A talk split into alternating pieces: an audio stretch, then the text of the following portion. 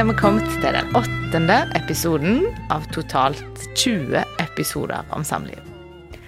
Eh, og I de forrige episodene så har vi snakket om vennskap som fundament, om viktigheten av god kommunikasjon, og de episodene vi holder på med litt nå, handler om konflikt, og dette er spennende stoff, syns jeg. Og det er veldig vanlig å krangle og ha konflikter. Og sjøl de som er lykkelige i parforholdet sitt, kan bli uvenner av og til. Og høylytt krangling, det er ikke nødvendigvis ødeleggende for samlivet. Det som er viktig i møte med konflikter, det er å ha kunnskaper om hvilken konflikt dette dreier seg om. For det finnes nemlig en måte det går an å dele alle konflikter inn i to. Enten så har vi en løselig konflikt, eller så har vi en uløselig konflikt. Og det er klart at det er avgjørende viktig å vite forskjell på det. For hvis du bruker årevis og massevis av krefter og energi på å forsøke å løse noe som aldri kommer til å bli løst, så har du jo sløst en del. Og Gottman sin forskning, John Gottman, han viser jeg mye til. Det er en amerikanske forsker som har forska mest i verden på samliv.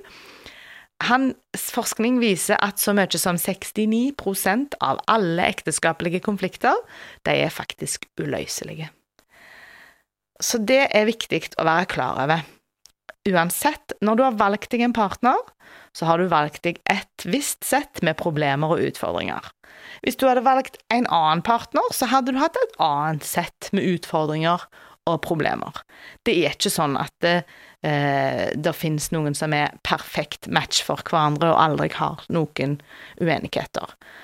Lykkelige par eh, som har fastlåste konflikter om alvorlige ting, f.eks. om de vil ha unger eller ikke, eller om oppdragelsen til ungene, om religiøs retning, eller eh, De kan ha krangler om temaet, men de klarer å se seg sjøl og forholdet sitt litt utenfra, og kanskje til og med le litt av det. Eh, de gir seg ikke, det er ingen av de som gir seg på standpunktene sine, men de er enige om at de er uenige, og de greier å leve med dette. Og disse parene kaller han Gottmann da for emosjonelt intelligente par. Og dette tenker jeg er et mål, å bli mer emosjonelt intelligente som par. Og hvordan skal vi da vite forskjell på om konflikter er løselige eller uløselige?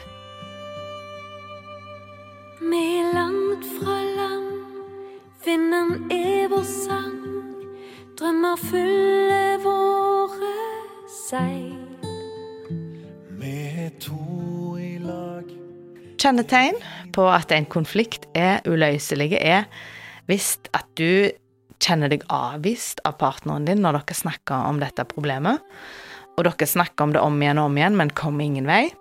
Eh, Da finnes ingen humor eller forståelse i samtalen om temaet. Og det kan hende òg at temaet at det har gått over til å eskalere og bli sånn at dere kjefter på hverandre når dere snakker om denne tingen. Eh, Og dere er begge frustrerte når dere snakker om dette, og det er ingen av dere som syns at det er aktuelt å, å gi etter for noen ting. Mens løselige konflikter, det er de som vi, lett får litt emosjonell avstand til, og klarer å se at det fins en løsning på. For eksempel, nå får du lov å prøve denne gangen, og så gjør vi det på min måte neste gang. Eh, Men nå skal jeg si noe som er litt viktig i forhold til dette med konflikter. Så det er godt, men som påstår det, da. Det er ikke bare jeg dette. Jeg har teori for å si dette. Jeg har eh, grundig hold for å påstå det. Det fins ingen objektive sannheter i et parforhold. Det fins bare to subjektive. Og om en klarer å akseptere det, så er en et stykke på vei til å bli et emosjonelt intelligent par. Jeg synes sjøl at dette er vanskelig, for jeg har så lett for å tenke at jeg har bedre forståelse enn hva ektefellen min har, eller at jeg vet bedre, for at eh, Ja.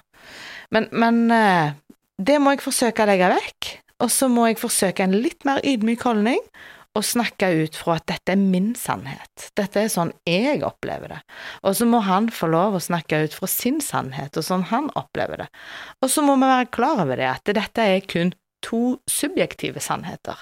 Det er ikke to, eh, det er ikke én objektiv, og at det er min. For det finnes det ikke i et parforhold.